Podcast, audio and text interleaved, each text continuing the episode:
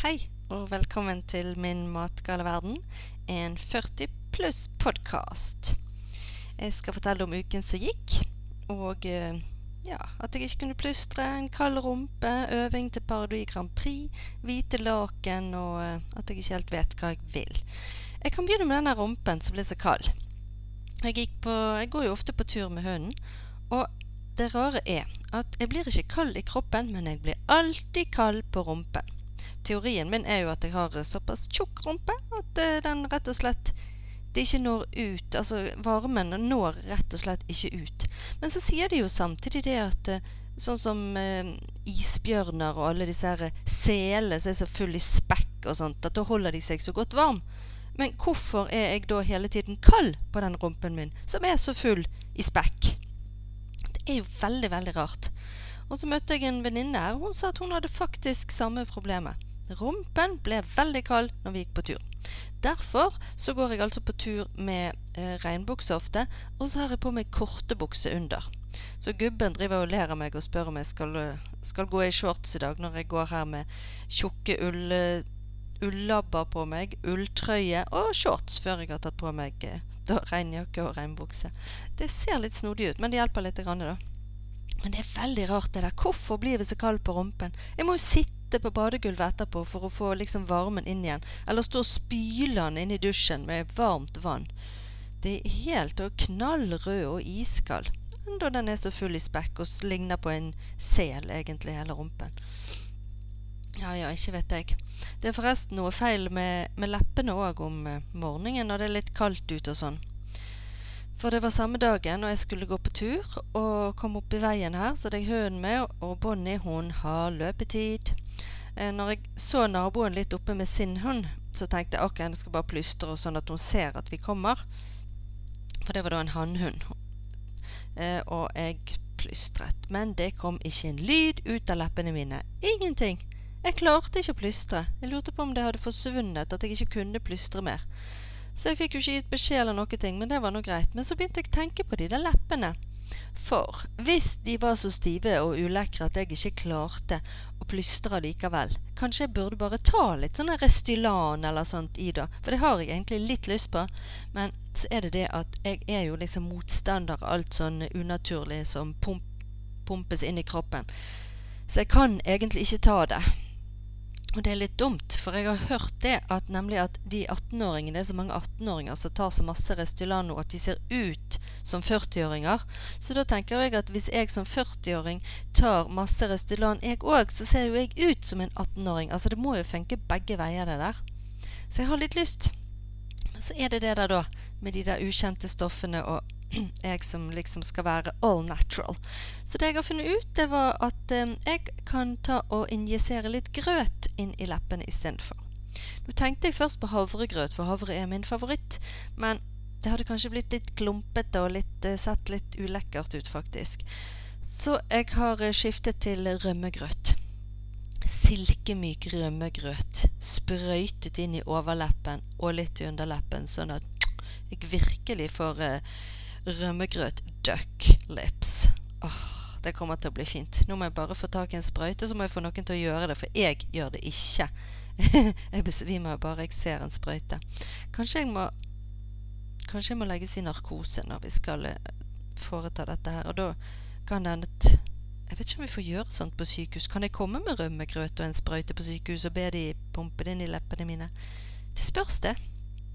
Jeg burde jo hatt det nå eh, frem for nå er det ikke så lenge til vi skal ha Parodi Grand Prix, semifinaler. Mm -hmm. Jeg skal jo da være med. Og jeg har skrevet meg en sang. Og jeg har sittet her hjemme med mikrofon og YouTube-karaokeversjonen. Og jeg har sunget sangen, og det er så fint. Og jeg har tenkt hele hendelsesforløpet, altså regien, inn i hodet mitt. Og det ble så stilig og så morsomt, og jeg sang så fint helt til vi kom opp oss at hun skulle øve på ordentlig med de andre, og med mikrofon, ikke minst. Å, herregud, det ble ikke så veldig bra. Altså, det ble helt annerledes. Og ikke sang jeg fint. Og ikke husket jeg teksten engang. Den glemte jeg òg. Og tingen altså, åh, Til og med den kjolen som jeg hadde planlagt. Det var en sånn ting jeg hadde kjøpt på eBay. Så det var en sånn stram sak så du kunne bare dra på, og så kunne du dra den opp og ned. For det hadde passet sånn. Jeg skal gå i hold-in-truser og sånne ting under. Men det er jo bare det at når jeg skulle ta på meg den da, så var jo den så slapp at den bare raste av hele kroppen. Ikke fordi at jeg var tynn, men fordi at det, det var ikke strikk igjen. Det som man kjøper på eBay, det er ofte så varer ikke strikkene så veldig lenge. Det var en rar den der. Han luktet nemlig motorolje. Det var et sånt Du kunne bruke den til skjall, du kunne bruke den til kjole, du kunne bruke den til alt mulig. Perfekt. Men når han kom, så luktet han motorolje. Så jeg vasket den to ganger for å få vekk den lukten. Og da så han veldig bra ut. Så den hadde jeg planlagt jeg skulle gå med, helt til jeg da tok han på meg og skjønte det at strikket, det var da røke. Altså all, all strikken, liksom. Så det, den bare raste av. Så nå har jeg ikke kjole. Jeg kan ikke teksten. Regien er ikke sånn som jeg hadde tenkt. Og jeg er ikke flink å synge lenger. Men eh, nå bare øver vi oss litt, så blir dette her veldig bra. Jeg landet med et klask, men jeg skal karre meg opp igjen. Og om to uker så skal jeg stå på Ole Bull og synge min 40 skilt og singel. Ja, det gjelder ikke egentlig Ja. meg, da. Så hvis du er redd for gubben nå, så bare slapp av. Det er ikke Jeg må ha et uh, alias-navn når jeg synger den sangen. Vel, jeg har drømt. Um, jeg skulle med bussen ned i Eidsvåg, og uh, jeg gikk nedover med der vi hadde en sånn snarvei vi kunne gå, der nede med motorveien, der var det kommet opp et stort hus. Helt ny med avdelinger og greier. Så jeg tenkte da at jeg skulle bare lure meg gjennom der. For da kunne jeg fremdeles gå snarveien hvis jeg lurte meg gjennom der. Så jeg gikk inn, og jeg husker jeg listet meg, og at det knirket, for det regnet ute. Så det knirket litt på gulvet, for det var helt blankskurt gulv. Og jeg hadde støvler på meg. Så det ja, det var en dårlig knirkelyd. Men i alle fall. Eh, så, men før jeg kom meg ut der, så møtte jeg en jente. Og jeg skjønte jo fort at hun Altså, hva sier man egentlig lenger? Ikke skal man si ditt, og ikke skal man si Hun var litt sein, hvis du skjønner hva jeg mener. Altså, ikke, Hun var ikke helt med, men hun var grådig skjønn. Og så begynte hun å snakke med meg, og så satte meg ned, og så snakket vi sammen. og og når vi hadde sittet en stund der jeg hadde kledd av meg og, oh, Det var så deilig atmosfære der inne. Og så kom det en sykepleier, og så sier hun ja, men nå er det på tide å gå til rommene. Og jeg ok, da må jeg gå av gårde, tenkte jeg. Men så sa hun eh, hun her jenten som satt Ja, hun, eh, Kjersti her er ny, så jeg skal vise hun til rommet. Å, sa sykepleieren. Ok, kom du. Kom hun i dag, da? Ja, hun kom i dag, sa hun. Jeg sa ingenting. Jeg tenkte ja, ja jeg, jeg, hadde jo jeg hadde ikke lyst til å gå, for det var så deilig å være der. Så gikk sykepleieren igjen, og hun viste meg til rommet, hun er jenten. Og så var det et lite, fint rom med en stor seng og hvite, stive laken og nyvasket sengetøy. Så var det en liten en stol og en liten uh, lite sånt bord. Og det var helt perfekt. Det var liksom bare mitt aleine for meg sjøl der inne. Så jeg gikk og la meg, jeg, inne på det der rommet. Og dagen etterpå så gikk jeg ut, og så husker jeg jeg gikk på jobb. Og så gikk jeg hjem igjen, til, huset. Jeg vet ikke hva som skjedde her hjemme med gubben og de, men jeg gikk i fall inn igjen der. Så husker jeg andre del av huset, der var det menn. Og at de plystret så veldig når jeg gikk forbi og sånn. Men jeg gikk bare over, og så opp til hun her jenten, og så snakket videre med hun. Men så kom eh, Så kom sykepleieren. Så sa hun ja, men da er det på tide at du kommer inn og så snakker litt med meg inn på rommet her. Åh, oh, jeg tenkte ok, nå, uff, nå er jeg avslørt, men jeg har jo ikke løyet om noe. Det var liksom det som var viktig, at jeg ikke hadde løye. Så satte hun seg ned, og så spurte hun meg ja, eh, blir du redd når du låser døren hjemme. Og så tenkte jeg nei, når du låser døren til rommet ditt. Og så tenkte jeg ja, rommet mitt. Nå mener hun sikkert rommet her, men jeg kan jo bare si at eh, altså, jeg tenker jo på døren hjemme. Så jeg svarte nei, blir ikke redd når jeg låser døren. Ok, men er du sikker på at du blir ikke redd når du låser døren? Nei, jeg, jeg blir ikke redd når jeg låser døren hjemme. Hjemme, sa han. Ja, ok, så klarte jeg ikke mer. Da måtte ja, beklager, men jeg har vært der, men jeg har ikke løyet om noe, for jeg mente døren hjemme når du spurte etter døren. Det var tydeligvis veldig viktig for meg, det der at jeg ikke hadde løyet. Jeg ville være der og hadde vært der, men jeg hadde ikke løyet. Veldig rar drøm.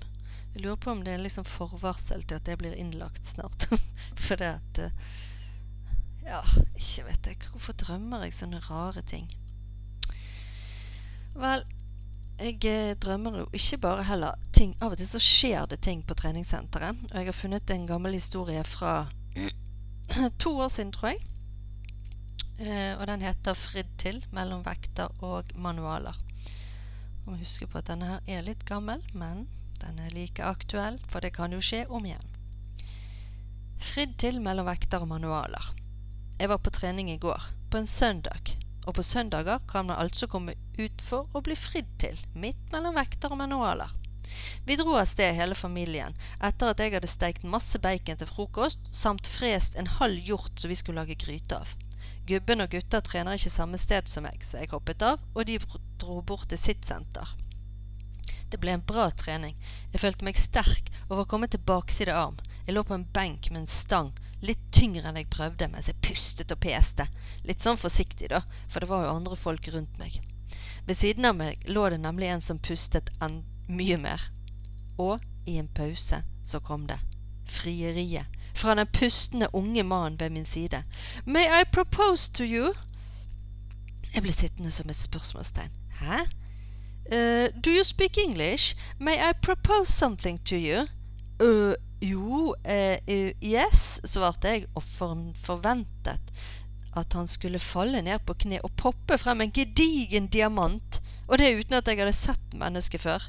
Men altså, diamant er jo diamant. May I propose that you do the exercise on the floor with not so much weight? It's important that you do it right. Og så viste han meg hvordan jeg burde utføre øvelsen. På gulvet, og noe som gjorde at den ble 10 000 ganger tyngre. Den ble faktisk så tung at jeg glemte hele diamantringen han hadde lovet meg. Og så tung at jeg plutselig kjente at det luktet som et gedigent stykke steikt kjøtt. Heldigvis var det nest siste øvelse før dusjen. Jeg fikk altså ingen diamant, men det aner meg at jeg får en gedigen gangsperre. Ha en glitrende mandag. Det var den historien. Ble litt kortere enn jeg pleier. Men eh, sånn kan det bli. I dag er det søndag. Eh, jeg har jobbehelg, så nå skal jeg snart på jobb. Og så får vi se hva neste uke bringer. Kanskje enda mer juicy gossip enn denne uken. Takk for meg. Følg meg på Instagram, på blogg og Facebook. Min matgalleverden. Og ikke minst, abonner på meg på iTunes, og rate meg inne på ratingen, så kanskje jeg kommer frem på fremsiden for en gangs skyld. Det hadde jo vært helt fantastisk. Takk for meg.